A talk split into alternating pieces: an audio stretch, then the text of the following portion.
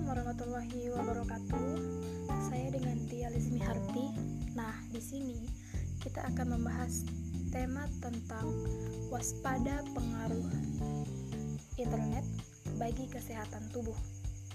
Internet sangat akrab dengan masyarakat sekarang ini, khususnya kaum muda.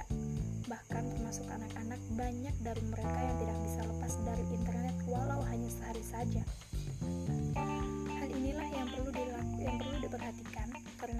Dan tubuh mereka. Beberapa pecandu internet memiliki kebiasaan gizi karena kebiasaan makanan yang tidak teratur. Mereka juga menunjukkan gejala penyumbatan pembuluh darah dan pengki yang sama. Semakin kecanduan dengan internet, semakin besar kemungkinan mereka uh, akan merasa tertekan. Perhatian medis dibutuhkan untuk orang yang mengalami kecanduan serius terhadap internet. Terus berjam-jam menghabiskan waktu menggunakan internet bisa membuat pecandu lebih sadar dengan masalah mereka. Pada beberapa rumah sakit, dokter dan psikolog klinis memberikan konseling. Namun, hanya beberapa lembaga medis yang memiliki departemen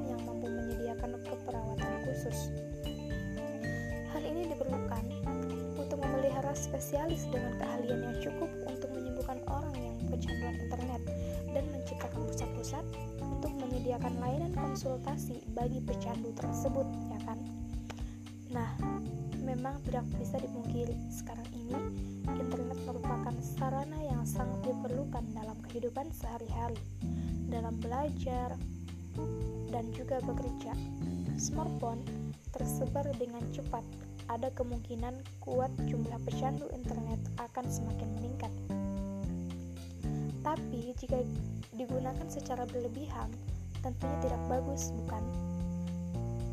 Oleh karena itu, diharapkan dalam menerima pembelajaran dengan bantuan komputer di sekolah, siswa tidak hanya diajarkan bagaimana menggunakan perangkat elektronik, mereka juga harus didorong untuk menyadari bahaya penggunaan internet secara berlebihan. Nah, bagi orang tua, dalam membeli smartphone untuk anak-anak mereka, sebaiknya meletakkan aturan-aturan pada mereka berapa banyak jam mereka boleh menggunakannya setiap hari. Ya, mungkin hanya itu saja tema yang dapat saya sampaikan. Kurang lebihnya, wabillahi taufiq hidayah. Wassalamualaikum warahmatullahi wabarakatuh.